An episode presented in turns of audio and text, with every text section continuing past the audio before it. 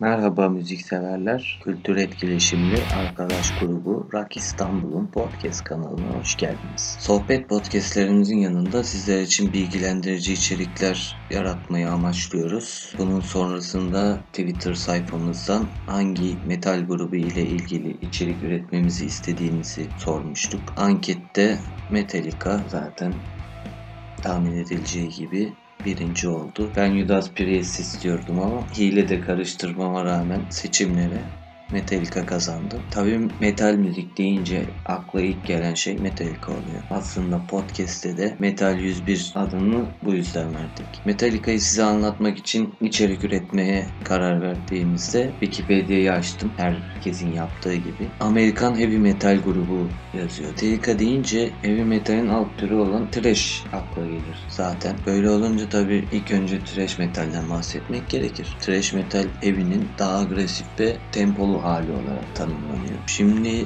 thrash metal ile ilgili tanımı size okumak istiyorum. Sözel olarak aşırı çeşitlilik olsa da en yaygın sözel öğeleri toplumun başındaki kodamanları eleştirmek, çevrenin yok edilişi ile ilgili kaygıları dile getirmek ve zaman zaman black metale benzer bir şekilde Hristiyan dogmalarını eleştirmektir. Bu sözlerde kullanılan dil genelde direkt ve küçük düşürücüdür. Bu yaklaşımıyla hardcore punk'a benzerdir. Yani thrash metalin ne olduğunu anladık diye düşünüyorum. Metallica'ya geri dönersek grup 1981 yılında LA Recyler gazetesine verilen bir ilan vasıtasıyla tanışan Lars Ulrich ve James Hetfield tarafından kuruldu. Sonra gruba Hetfield'ın ev arkadaşı olan Ron McDowney basçı olarak katıldı. Ardından daha sonrası birçok tartışmayı da beraberinde getiren sansasyonel isim Dave Mustaine gruba baş gitarist olarak katıldı. Kaydettikleri ilk demonun adı da No Life Till Leather'dı. Ron McGowney bir yıl, Dave Mustaine ise iki yıl sonra ayrıldı. Dave Mustaine'in ayrılığı zaten müzik camiasında yıllarca yıllarca sürecek tartışmalara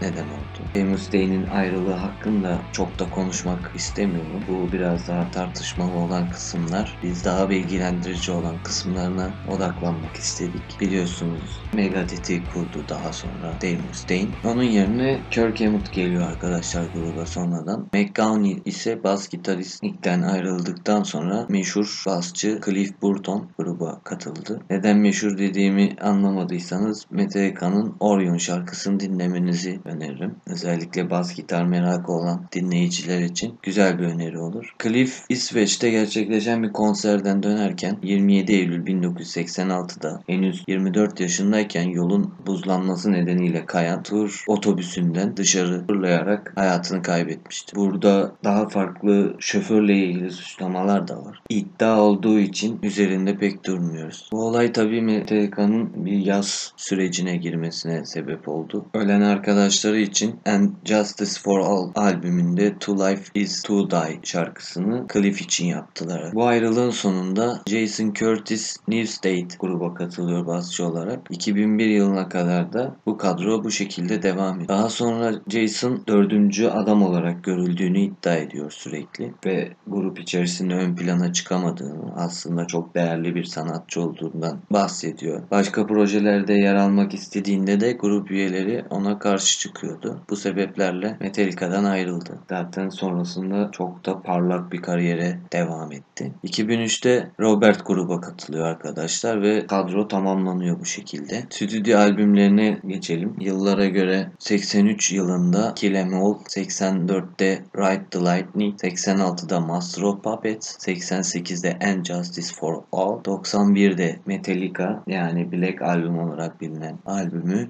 96'da Load, 97'de Reload, 2003'te Sen Ence, 2008'de Dead Magnetic, 2016'da Hardwired to Self-Destruct albümünü yayınladılar. Buraya kadar zaten çok bilinen bilgileri verdik. Buradan sonrasında belki gruba çok aşina olan insanların da bilme, bilemeyeceği şeyleri konuşmak istiyorum daha çok. Metallica'nın tam 6 albümü Billboard listelerinde birinci sıraya çıkmayı başarmış. Metallica toplamda 110 milyon orijinal kopya satmış. Şarkıların uzunluğuyla bilinen Metallica biliyorsunuz birçok konuda mizah malzemesi de olmuştur. En kısa şarkısı 3 dakika 8 saniyeymiş. Normal uzunlukta bir şarkısı da varmış. Yaptıkları en uzun şarkı Suicide and Redemption şarkısı. O da 9 dakika 57 saniye sürüyor. Metallica en çok satan albümü The Black Album olarak bilinen Metallica albümü 18 milyondan fazla kayıt satmayı başarmışlar. Tabii ki burada şunu eklemek gerekir. Daha başarılı albümleri var. Özellikle bana göre ki dinleyicilerin büyük çoğunluğuna göre de böyle kabul edilir. Ee, albüm satın alma gücünün yıllara göre farklılık göstermesinden kaynaklanıyor. Yani 83 ve 84 senelerinde albüm satın alma gücü halkta daha düşükken 91'de teknolojinin daha da gelişmesiyle insanların daha da fazla fırsata sahip olması bu tarz sonuçları getiriyor. Yani en çok satan albüm en iyi albümüdür diye düşünmeyelim. Öyle bir dezavantaj da var. Zaten uzun yıllardır bir müzik piyasasının içerisinde yer alan bir grup için bu tarz kıyaslara gerek yok. 2008'de Dead Magnetic albümü piyasaya sürüldüğünde 5 şarkıları Billboard'da Billboard 200'de Top 200'ünde birinci sıraya oturmayı başarmış. Metallica'nın canlı performanslarında en çok çalınan şarkısını sorsam çok büyük ihtimalle hiçbiriniz tahmin edemezsiniz herhalde. Ama en çok çalınan şarkısı Master of Puppets. Ben bu bilgiyi aldığımda 1256 kez çalınmış. Metallica'nın Amerika dışarısında yaptığı konserlerde birinci sırayı Almanya alıyor. Tam 104 kez Almanya'da konser vermişler. Kirk Hammett bir vejeteryanmış arkadaşlar. Yeri gelmişken söyleyeyim. Vejeteryanlarla ve veganlarla ilgili yapılan esprilerin hiçbiri bana göre komik değil. İnsanlara saygı duymak gerekiyor. Umarım bu bilgiden sonra da bunun üzerinden bir takım mizah üretilmez diye düşünüyorum. Creeping Dead Mısır vebası hakkında bir hikayeden esinlenmiş arkadaşlar. Justinianus veba salgını 541 ve 42 yıllarında başlayıp 750'ye kadar süren bir pandemi süreci arkadaşlar. Ticaret gemileri veba bulaşmış pire taşıyan sıçanlar barındırdığı için Doğu Roma ve özellikle o zamanki adıyla Konstantinopolis yani İstanbul'da çok yıkıcı etkileri ulaşmış. Tüm Akdeniz liman kentleri bu pandemiden inanılmaz bir şekilde etkilenmişler. Tarihte çok önemli bir olay. Meteika hakkında bu kadar bilgi verebiliyoruz size şu anlık. Umarım bu yayınımız müziği yeni dinlemeye başlayanlar için eğitici olmuştur. Konuya aşina olanların da bilgilerini tazelemelerine yardımcı olmuştur. Yayında ve içeriği oluşturmada bana yardımcı olan arkadaşlarıma teşekkür ediyorum. Böyle yayınların devamı için Twitter'dan sayfamızı takip edin. Bize geri dönüşlerde kesinlikle bulunun. Bir de çok önem verdiğim bir konu Telegram üzerinden chat kanalımıza katılın. Orada oluşturduğumuz toplulukları alt kategorilere ayırarak belirli hobi grupları oluşturacağız. Zaten daha önceki kayıtlarda da söylemiştim. Ben sadece müzik paylaşımı yapan bir sayfa olmasını istemiyorum. Kültür etkileşimli bir arkadaşlık grubu kurmaya çalışıyoruz. Hiçbir konuda çekinmenize de gerek yok. Biz de sizden biriyiz. Umarım bu yayınlar daha da çok ilgi arttırır ve daha fazlasını da yapmak için bize cesaret verir. Hoşçakalın, metalle kalın.